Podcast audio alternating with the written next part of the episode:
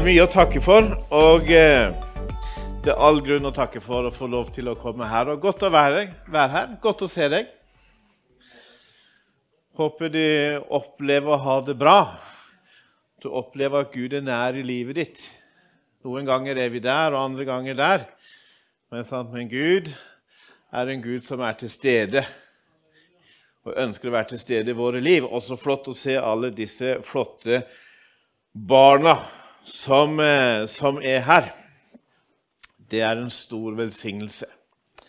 Er kjekt å se at de fyller opp eh, lokalet her. Det er supert, så, så tusen takk for eh, å få lov til å, å, komme her igjen. Det er jo også en velsignelse for meg. Jeg tenkte vi skulle bare begynne med å se en sånn kort snutt om hva åpne dører er. Skal vi se, Hvis du har lyd og alt klart, så kommer det her. Hva koster det å følge Jesus for deg? Trygghet, jobbsikkerhet, familieproblemer. 360 millioner kristne i land som Nord-Korea, Afghanistan, India og Kina nekter stille på jobb. Utdanning, blir arrestert, angrepet, til og med drept fordi de følger Jesus. I mer enn 65 år har Åpne dører hjulpet kristne i hele verden til å følge Jesus når det koster. Sammen kan vi hjelpe den forfulgte kirken til å overleve ved å gi disippeltrening, nødhjelp og tilby sosioøkonomiske prosjekter. Be med hemmelige kristne i Midtøsten. Levere nødhjelpskasse til en kristen nordkoreaner. Gi bibler til en leder i undergrunnskirken i Kina. Vårt mål er ikke å stanse forfølgelse, ikke engang å unngå den. Vi vil hjelpe den som blir forfulgt, slik at Jesu lys kan skinne gjennom dem. Det er én kamp. Når de lider, lider vi. Hvis ikke vi lar vårt lys skinne, lider de i mørket. Hvis Kirken ikke hjelper Kirken, hvem gjør det da? Gå sammen med den forfulgte kirke. Overvinn det som hindrer oss i å følge Jesus, og lær av dem som er villige til å risikere alt for ham. Vil du hjelpe dem som følger Jesus, selv om det koster?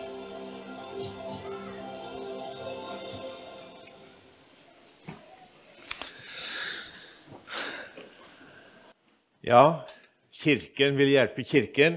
Selvfølgelig vil vi hjelpe vår familie, og jeg vet at mange av dere er med.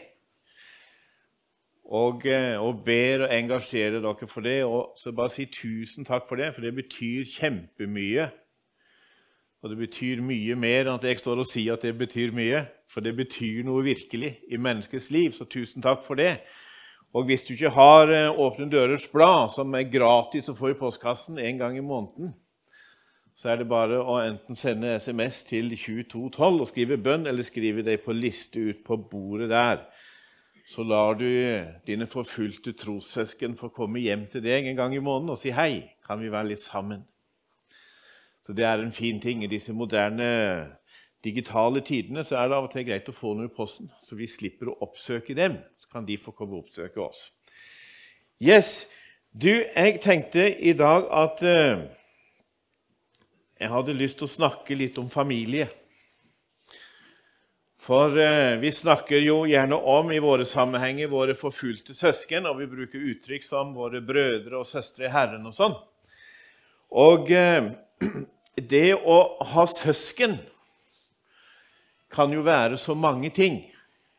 Sant? Jeg har jo sju søsken, så jeg har jo litt kompetanse på området. På det, og jeg er minst. Vil gjerne ikke tro det. Men Jeg er minst i alder, riktignok.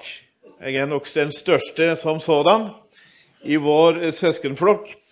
Eh, men dette med å, å ha søsken det er jo en veldig fin ting. Kan i hvert fall være det. Og så kan det òg være litt krevende å ha søsken av og til. Noen ganger kan det være direkte vanskelig. Fordi at det, det, er, kan, eh, er, nært, og når ting blir nære, så kan vi oppleve både det Eh, det ene og det andre. Og så er det, i hvert fall min erfaring da, med søsken det er også sånn Søskenforhold det, det, går gjerne litt sånn i faser. Fra en er små, sånn som disse her barna her, så kan en jo leke sammen ha det veldig kjekt, og du hører sånn klukkende latter. Sant? Og så i neste øyeblikk sant, så er det rop og skrik og mer til. Sinne og, og frustrasjon.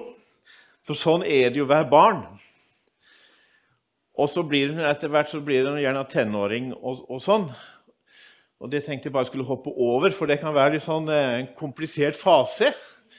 Både for tenåringer og mor og far. Og så blir vi voksne. Og forhåpentligvis så blir vi liksom litt mer eh, modne.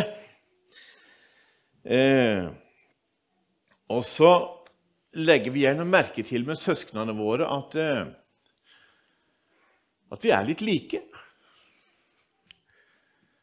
Kanskje mer enn vi liker noen ganger.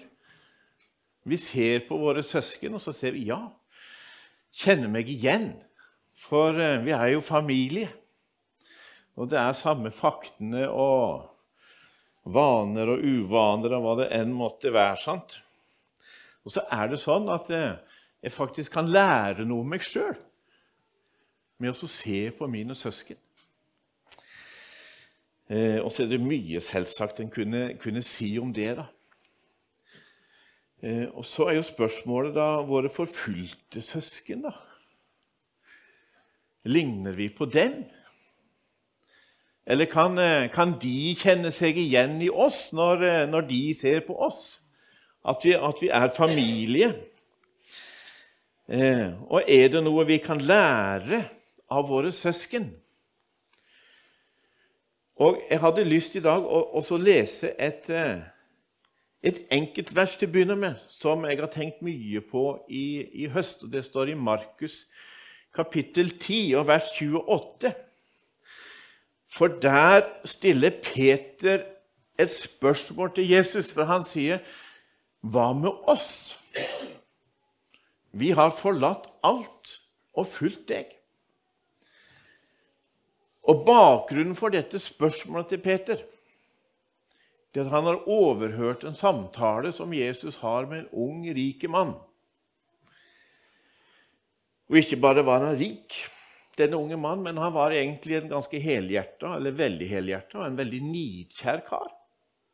Han ønsket å gå Guds vei og følge Guds lov og, og, og, alt det her. Og han hadde lagt mye flid og mye ære og sikkert offer og disiplin i å holde loven og renselsesforskriften og følge liksom det, det religiøse livet sånn som det, sånn som det skulle være.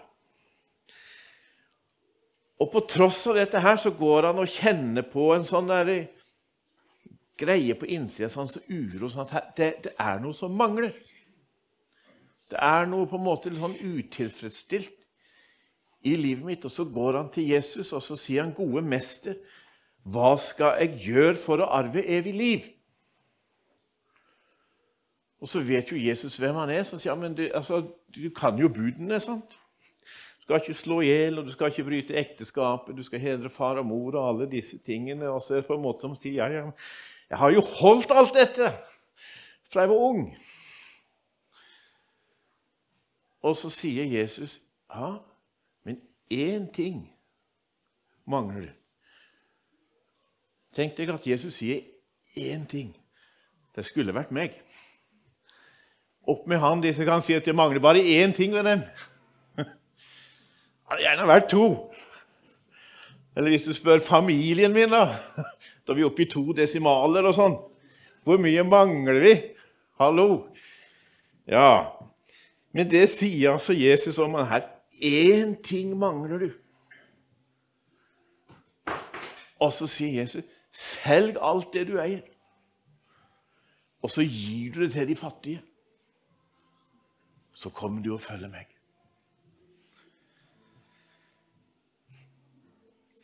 Gi til de fattige. Jeg vet ikke om du har gitt noe til fattige, sånn skikkelig fattige, som vært i land.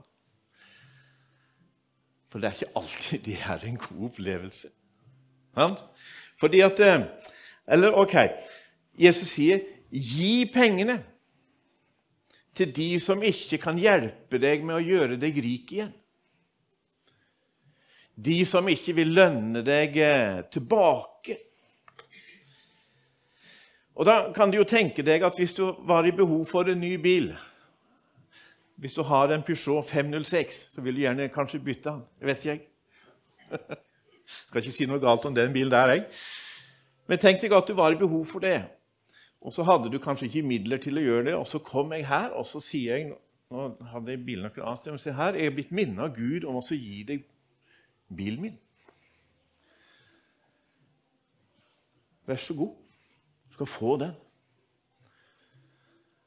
Hva hadde du gjort da? Du hadde gjerne sagt takk. Takk for det. Kanskje hadde du fortalt det i eh, familien din at han, eh, karen fra Åpne dører han ga meg en bil i dag. Og du hadde gjerne fortalt det her i menigheten. At han, eh, jeg fikk en bil. sant? Og vet du hva jeg hadde gjort? Jo, jeg hadde jo fortalt det hjemme. Selvfølgelig hadde jeg det. Jeg hadde fortalt det i min menighet. Jeg ble minnet om det. sant? Og så hadde jeg blitt sånn Jeg hadde blitt en sånn liten helt. da. Ikke sant?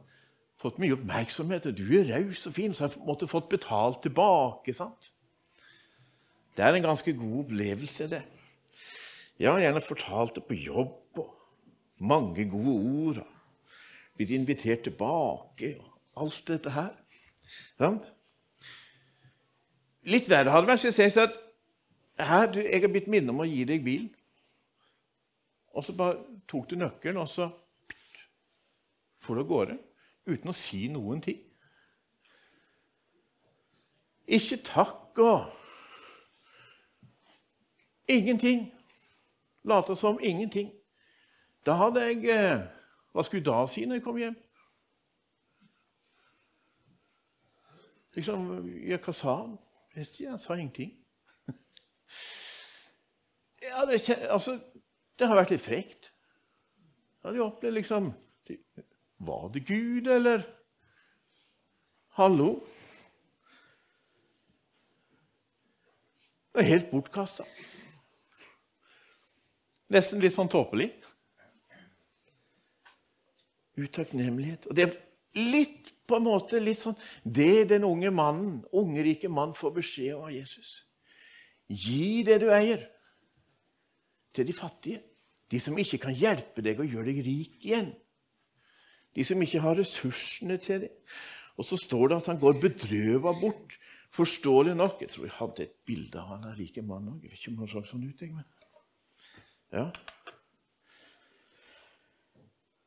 Han hadde gjerne arva foretaket av sin far. Skulle bare gi det vekk.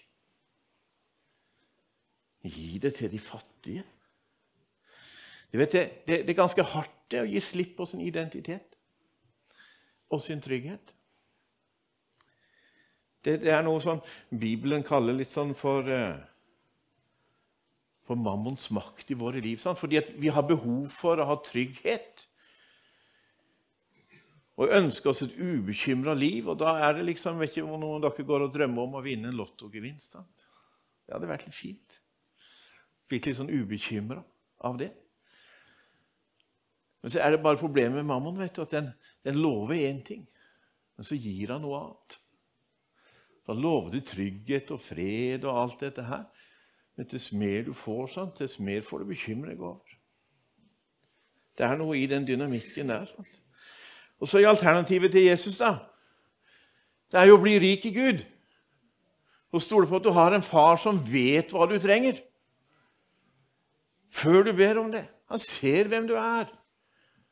For litt sånn som vi sa her, du kan ikke stole på noen ting. Hva vet du om eh, oljeprisen og strømprisen i morgen? Verden er i rask endring. Plutselig skjer ting som vi ikke hadde tatt høyde for. Så er det plutselig et helt annet liv. Og det er denne tryggheten denne helhjertede unge mannen på en måte mangler, som Jesus ser. Det mangler ikke én ting. Og så utfordrer han til å gi slipp på det. Så kan du svare på ditt eget spørsmål. Det er utfordringen Jesus gir ham. Og det er etter å ha hørt denne samtalen Peter kom til Jesus og så spør ja, men hva med oss, da? Vi som har forlatt alt og fulgt deg. Hva skal vi få? For det er vel rimelig å få noe? Er det det, eller? Jeg vet ikke om kanskje noen av dere er pensjonister. Det kan ikke jeg si noe men eh, tenk deg hvis du fikk valget mellom enten å gå her i menigheten her, eller å få pensjonen din.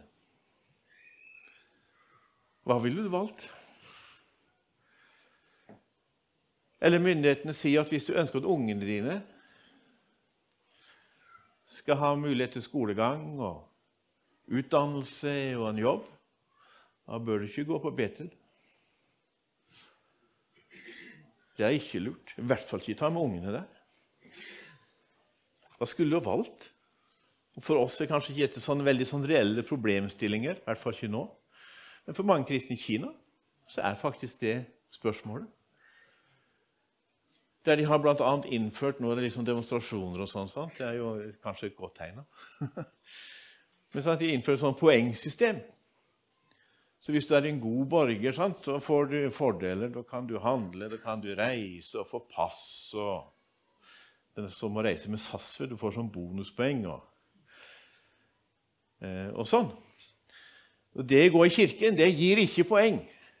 Det gir innhogg i saldoen. Det fjerner egentlig saldoen. Du får null. For de vil ikke ha deg i menighet. Så monterer de opp kameraer i kirken. og Det er jo ikke for å hjelpe de å streame gudstjeneste på nett, for det er jo strengt forbudt i Kina. selvfølgelig. Det er for å følge med hvem som går. Så slipper de å sitte og følge med på skjermen òg, for det tar jo teknologien seg av. Du har gjerne iPhone, sant? du bare holder den opp, og så låser den seg opp når han ser det. Kjenner deg igjen.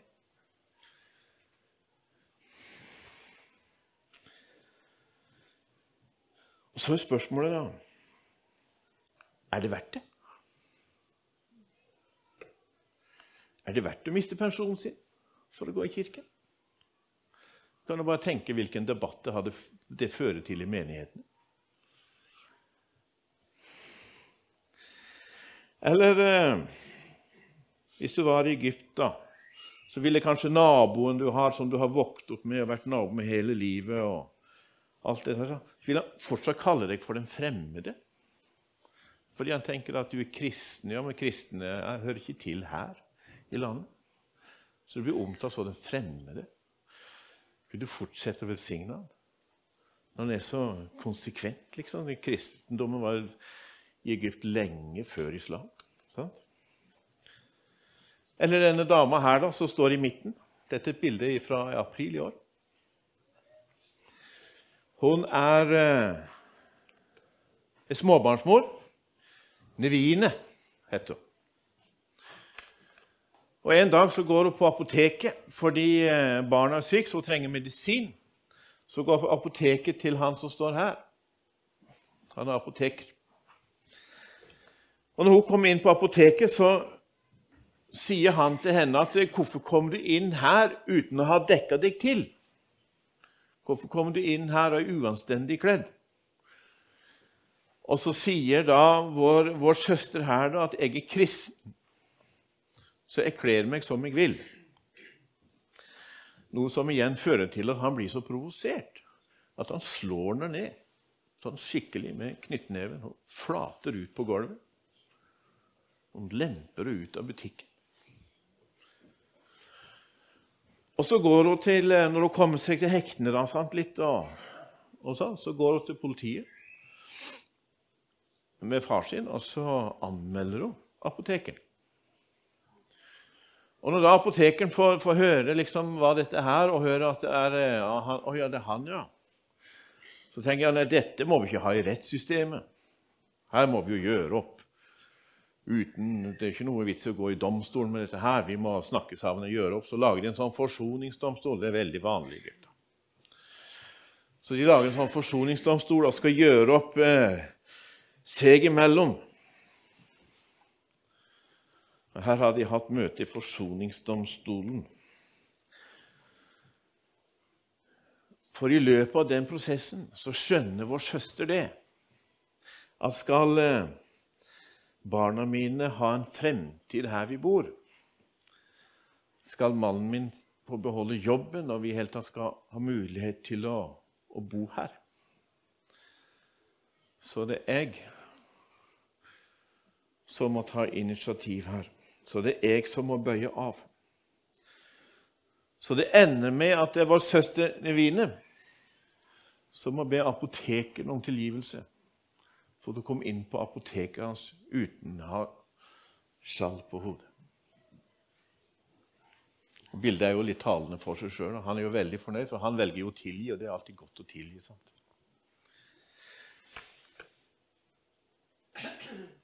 Blir du provosert? Jeg blir det. Hva annet skulle hun gjøre? da? Hva er valget? Hvilken option? Og så er spørsmålet er det verdt det.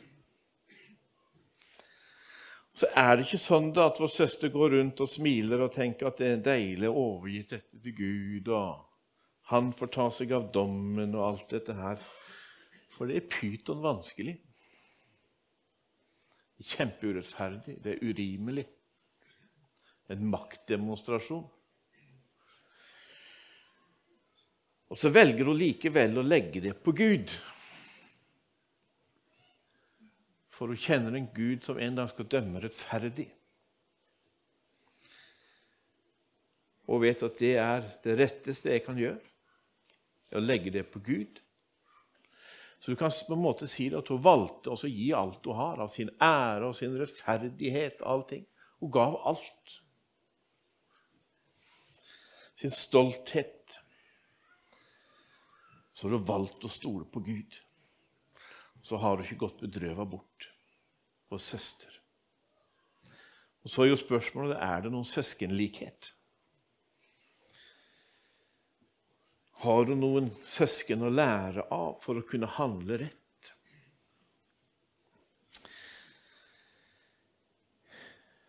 Eller jeg tiden går. Jeg kan ta henne her. da. Lea, Har, har ikke hørt om Lea Sharibu i Nigeria, som sitter fanga? Ble kidnappet da 14 år sammen med masse andre jenter. Og så er hun den eneste som sitter igjen fordi hun nekter å fornekte Jesu navn. Her sitter Lea Sharibu. Hun er vel 19 år nå. Og I fjor meldte The Guardian at hun hadde født sitt andre barn. Tvangsgifta. Det er ikke så godt å vite akkurat hvordan hun har det, for vi får ikke tilgang til det. Men vi hjelper i hvert fall de menneskene som står rundt. Prøve det, i hvert fall.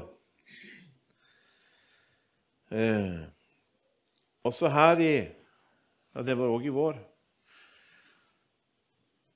Bare i den saken der. Og så er det plutselig en medarbeider som sier at i den leiren til Boko Haram i Nigeria så har Jesus ett lys. Og det lyset heter Lea Sharibu. Og Jeg ble nesten sint. Altså, går det an å si det? Men så er det jo sant. Og så er det jo spørsmålet, da Er det rimelig? Eller er det urimelig? Vi kan ta noe som kanskje er litt mer på, på hjemlige trakter. Dette er noe av min familie. Bare si det. Jeg er onkel til mor til Kaja og Glemte jo navnet på eldstebarnet, da. Hvor mye kontakt vi har da. Men disse ungdommene her bor i Balestrand. Fikk dere merke det i media? De har skolelagsmøte på Sagavoll ungdomsskole. Og så sier rektoren nei, dere får ikke lov å ha rom på skolen vår.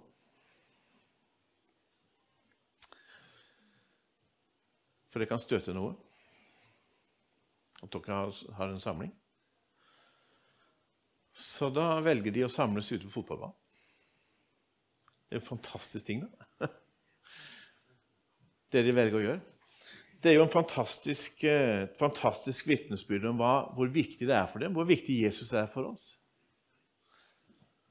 Når vi ikke får lov å være inne, så samles vi ute. Inne i klasserommet er det nesten ingen som ser oss. Ute på fotballbanen ser jo alle oss.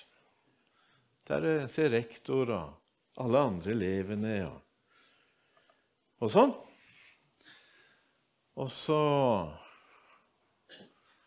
blanda de voksne seg inn. Jeg skal ikke si noe kritikk på, på, det, men det kom i hvert fall i media. og sånn. Det var ikke ungdommene som fikk det i media. Så hadde det blitt en sånn sak på det der, da. Men du, hvis vi tenker litt sånn, litt sånn retor Hvis djevelen fikk velge å ha skolelag i klasserommet eller på fotballbanen, hvor ville han ha hatt dem? Hm? Tror du han ville hatt i klasserommet? Ja? Hva da for?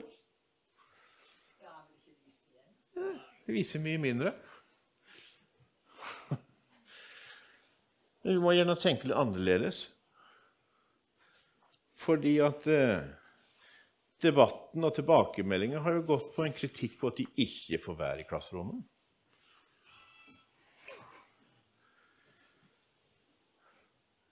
Det er egentlig litt rart. Det var en pastor i Vietnam. Vet du hva han sa? Han sa det var fantastisk den dagen politiet kom og stengte menigheten vår. De kom der sa han, og knuste menigheten. Det ble til ti nye menigheter i byen. Takk til politiet, sa han. Så han skal ikke idyllisere alt, da, men allikevel. Vi er litt flinke å gjemme oss, vi kristne. Om vi nå er pinsevenner eller baptister eller hva vi nå måtte nå enn være. I disse husene våre. Jeg syns det var så fantastisk det de Malin heter Nå kan vi få det. Jeg begynner å bli gammel. Det går tregt oppi hodet. Men du, vi er ikke kalt til å kjempe for våre rettigheter. Det står ikke det i Bibelen. Men vi er kalt til å skinne for Jesus. Og når vi må gjøre det på fotballbanen, du må med en paraply for dette regn For vi er kalt til å se etter muligheter for å forkynne Kristus. Selv om det kostet klasserommet, menighetsbygget ja, Bibelen snakker vel om livet. Gjør ikke det, da? Lea Sharibu?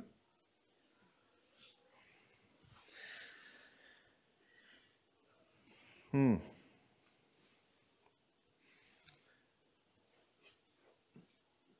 Er det verdt det?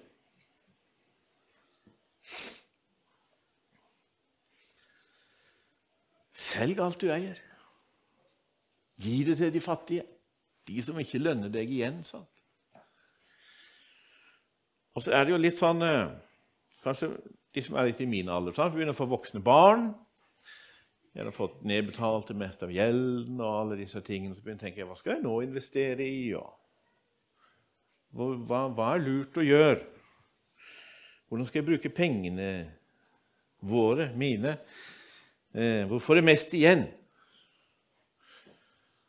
Og så er det jo kanskje litt sånn at en investerer i ting som ikke vedlikeholder seg sjøl. En må bruke litt for å forsvare investeringer, og det har både tid og fokus og krefter. Jeg skal ikke si et vondt ord om verken hytte eller noen verdens ting, for det kan være veldig fint å ha. Det er ikke poenget. Så merker jeg for egen del at hvor fort sånne ting kan ta fokus i mitt liv. Og føre til en fokusendring. For det er vanskelig å gi slipp. Det er vanskelig å gi slipp på det som koster noe for meg. Og så gi det til de fattige, da. Gi det til andre der det ikke er jeg sjøl som får gevinsten av det på en eller annen måte. Det er vanskelig. Og så sier Peter, 'Hva med oss?' Og Det er jo typisk Peter, og det er typisk meg sant? å se på de andre. Hva de andre har, hva de andre får, eller hva de andre ikke gjør, eller eh, Ja. Bli litt som disse her dagsarbeiderne. Sant? De som eh, noen jobbet tolv timer, og noen jobbet åtte timer. og var det, det var i hvert fall noen som jobbet bare én time. Og så belønning, så kom han og ga, begynte med han som jobbet én time, så fikk han én denar. Og Det var jo det han hadde avtalt med hele gjengen. Så står han der oppe og vet oi, hva skal jeg få? Og Så får han det samme. Og så hallo. Hvorfor skal jeg få det samme som han? Jeg jobber hele dagen. Det er urimelig. Men var ikke det vi avtalte? Jo, men Hvorfor skal jeg alltid gjøre mer? Hvorfor kan ikke de andre gjøre? Er ikke det andres tur? Hvorfor skal de ha det bedre enn meg? ja, Disse spørsmålene som dukker opp, det, er gjerne, det dukker i hvert fall opp inni meg. Eh, på en eller annen måte. Og han som hadde det aller meste på plass, han er rike unge mann, kom til Jesus og sier, 'Hva skal jeg gjøre for å arve evig liv?' Hvorfor skal hun gjøre noe, da? Jeg er vokst opp i sånn pietistisk sammenheng der jeg sier du skal ikke gjøre noen ting. Det, er jo en gave det å bli frelst. Du kan ikke gjøre noe for å bli frelst. Kan en det? Kan ikke det. Like lite som en kan lide seg til himmelen. Så kommer Jesus og sier én ting. Du mangler én ting. Så trengte han å sette seg sjøl fri. Det er jo det det handler om. Å slippe. Slippe taket i alt dette her som en har lyst til å holde i. Sånn som vår søster i Egypt på apoteket. For skal livet hennes bli levelig, så er hun nødt til å overgi rikdommen sin i form av stolthet og ære og alle disse her tingene. Rettferdighet. Hun er nødt til å gi slipp på det. For rikdommen er i hevnen eller i kravet om rettferdighet eller på en måte fortjenesten, eller hvordan han skulle ordlegge seg i hennes tilfelle. Da, det, det, er akkurat på en måte samme, samme som, som, med mammon. Den, den, lover frihet, men gir det motsatte. Tenker bare For hevn så blir det i orden. Men det, det gjør ikke det, for det er alltid noe å hevne. Det er alltid noe urettferdig. Alltid noe å ta opp. Alltid behov for noe nytt. Alternativet gi det til de fattige. Ikke bind opp identiteten din i hva andre kan tilføre deg tilbake. Bli rik i Gud. Overgi det. Gi deg over. Legg på svøm i Guds nåde og Guds velsignelse. Våg det. Og så sier Jesus da, vet du Neste bilde. Sånn, der kom det. Sannelig, jeg sier dere, enhver som har forlatt hus eller brødre, eller søstre eller mor eller far eller barn eller åker, for min skyld og for evangeliets skyld, skal få hundre ganger så mye igjen. I den tiden som nå er, skal han få hus, brødre, søstre, mødre, barn og åker, men også forfølgelser og i den kommende verden evig liv. Men mange av de første skal bli de siste, og de siste de første. Gud er rik. Rik nok for oss. Og jeg skal eh, avslutte med en gammel historie fra tidligere Sovjetunion. De av oss som husker det.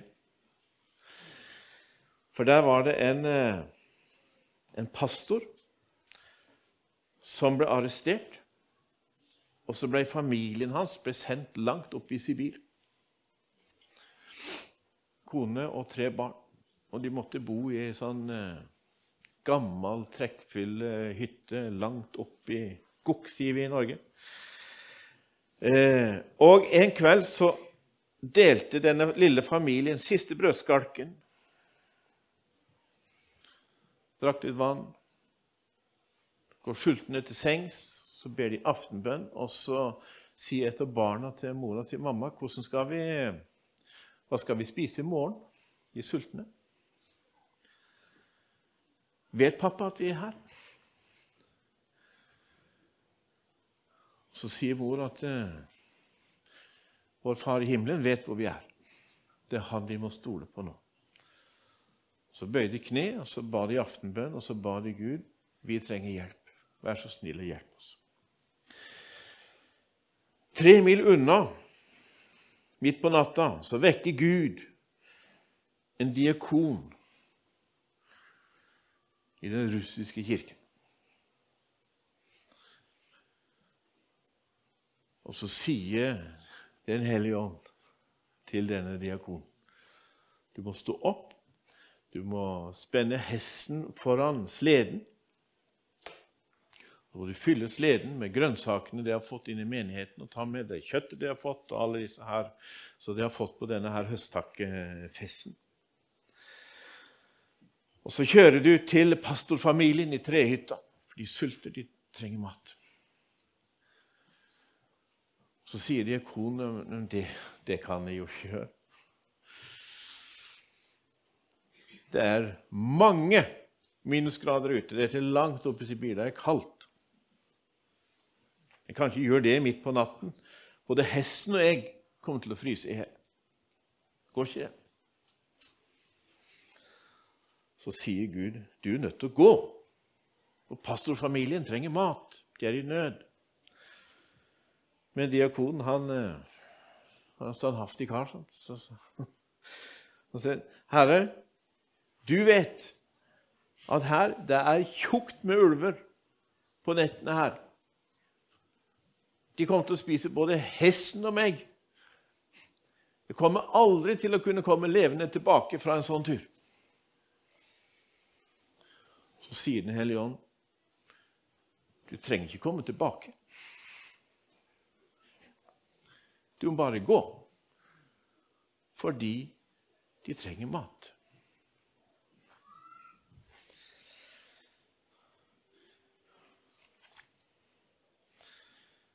Du trenger ikke tenke på returen. Det er ikke casen her. Men det handler om å stole på Gud. Det utfordrer meg, da. Og så er det jo dette her med våre søsken. Som en kan si så mange ting om. og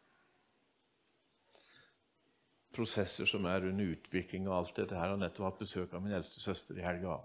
Veldig koselig og lærer mye om hva jeg bør passe på sjøl.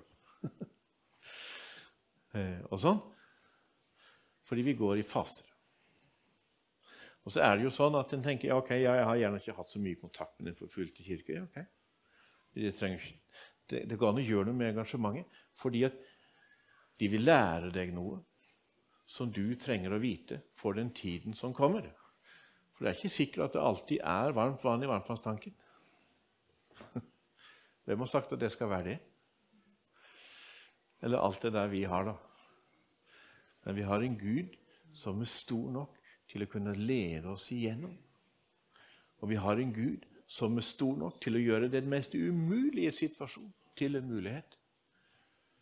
Men Det betyr ikke at det er bekvemt alltid. Men vi får lov til å velge Han. Og så kan Han lage en vei, som han gjorde for David, som vi hørte om. For omstendighetene var jo umulige og skremmende, og ingen, det var jo ingen som heia. vet du. Skal du gå?